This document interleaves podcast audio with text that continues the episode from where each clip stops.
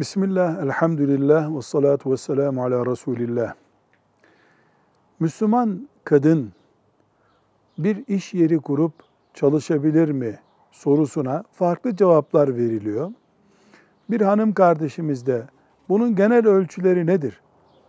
Çalışır, çalışmaz değil de çalışırsa ne şartlarda çalışır diye bir açıklama yapılıp yapılamayacağını soruyor. Diyoruz ki birincisi Yeni kapitalist anlayış Müslüman kadını evde oturmasın. Fabrikalarda dursun, iş yerlerinde dursun diye istiyor. Buna Müslümanlar elbette karşı çıkacaklar. Böyle bir genel yıpranmaya ve sürüklenmeye karşı çıkmanın dışında Müslüman kadın da çalışabilir, para kazanabilir. Kazandığı paraya da eşi, babası hiç kimse karışamaz. Zekatını da kendi verir, kurbanını da kendi keser. Müslüman bir erkek nasıl çalışıyor, para sahibi oluyor, zekatını veriyor, sadakasını veriyorsa aynı şekilde Müslüman kadın da çalışır. Babasından kalan malı büyütür. Ondan sonra kendi çocuklarına özellikle o malı bırakar, sadakalar verir, camiler yaptırır. Kadınla erkeğin bu konuda bir farkı yok. Yalnız biz şunu söylüyoruz.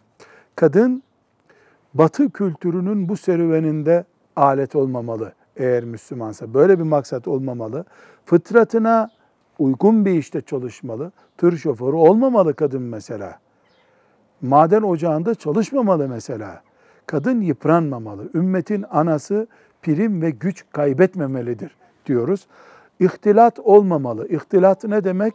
Karma, erkek, kadın, herkes bir arada çalışıyor. Tren istasyonu gibi herkesin girip çıktığı bir yerde kadın çalışmamalı. Kadınlar arası mahremiyetin korunduğu bir alanda çalışmalı.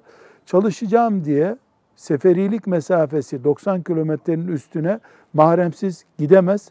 Buna dikkat etmelidir. Eşiyle çalışmasından kaynaklanan bir sorun oluşuyorsa kadın önce işi terk etmeyi tercih etmelidir. Aile yuvasını daha kutsal gördüğü bir işte çalışabilir kadın ve çalıştığı iş eğer haram bir işse kesinlikle o iş asla erkek için de caiz olmaz zaten. Mesela bayan kuaförü olabilir mi bir bayan dediğinde elbette bayanların kuaförü bayan olmalı. Buna itiraz edecek bir şey yok. Ama kuaförlük bugün bayanların en müstehcen ihtiyaçlarının bile giderileceği iş anlamında da kullanılabiliyor. Ona dinimiz asla izin vermez. Velhamdülillahi Rabbil Alemin.